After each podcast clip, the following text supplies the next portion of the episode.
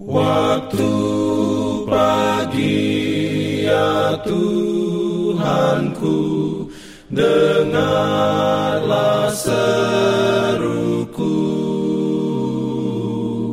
Melayang doa yang sungguh Memandang padamu. Selamat pagi pendengar Radio Advent Suara Pengharapan Mari mendengarkan suara Tuhan melalui tulisan pena inspirasi bersama Allah di waktu fajar.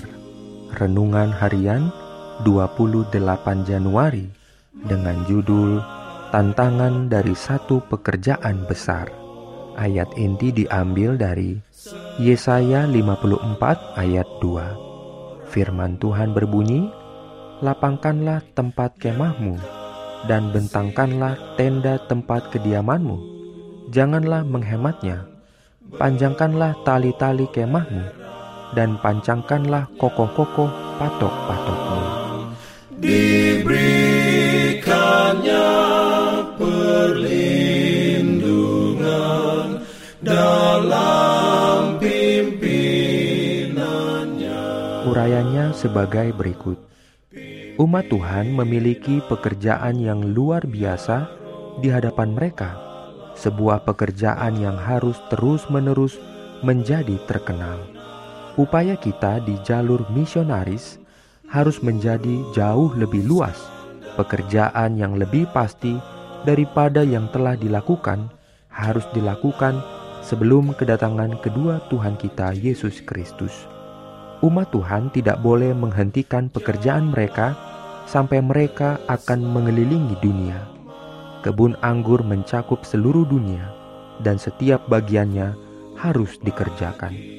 Ada tempat-tempat yang sekarang menjadi ladang belantara moral, dan ini akan menjadi seperti taman Tuhan. Tempat-tempat sampah di bumi harus diolah agar mereka bertunas dan berkembang seperti mawar wilayah baru akan dikerjakan oleh orang-orang yang diilhami oleh Roh Kudus. Gereja baru harus didirikan, jemaat baru diorganisasikan. Pada saat ini, harus ada perwakilan dari kebenaran masa kini di setiap kota dan di belahan bumi yang terpencil. Seluruh bumi akan diterangi dengan kemuliaan kebenaran Tuhan. Terang harus bersinar ke semua negeri dan semua orang dan dari mereka yang telah menerima terang itulah akan memancar terang. Bintang siang telah terbit atas kita, dan kita harus memancarkan cahayanya ke atas jalan mereka yang berada dalam kegelapan. Krisis sedang menimpa kita.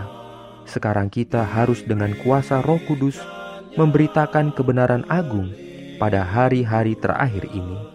Tidak lama lagi, setiap orang akan mendengar peringatan itu dan membuat keputusannya.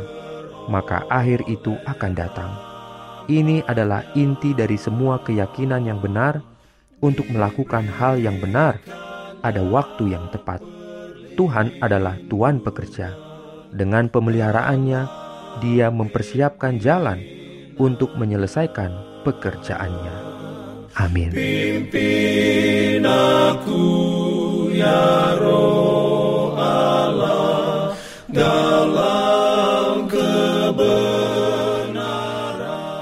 Jangan lupa untuk melanjutkan bacaan Alkitab sedunia.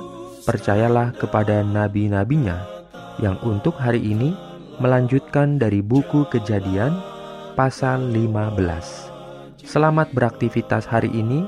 Tuhan memberkati kita semua. Jalan ke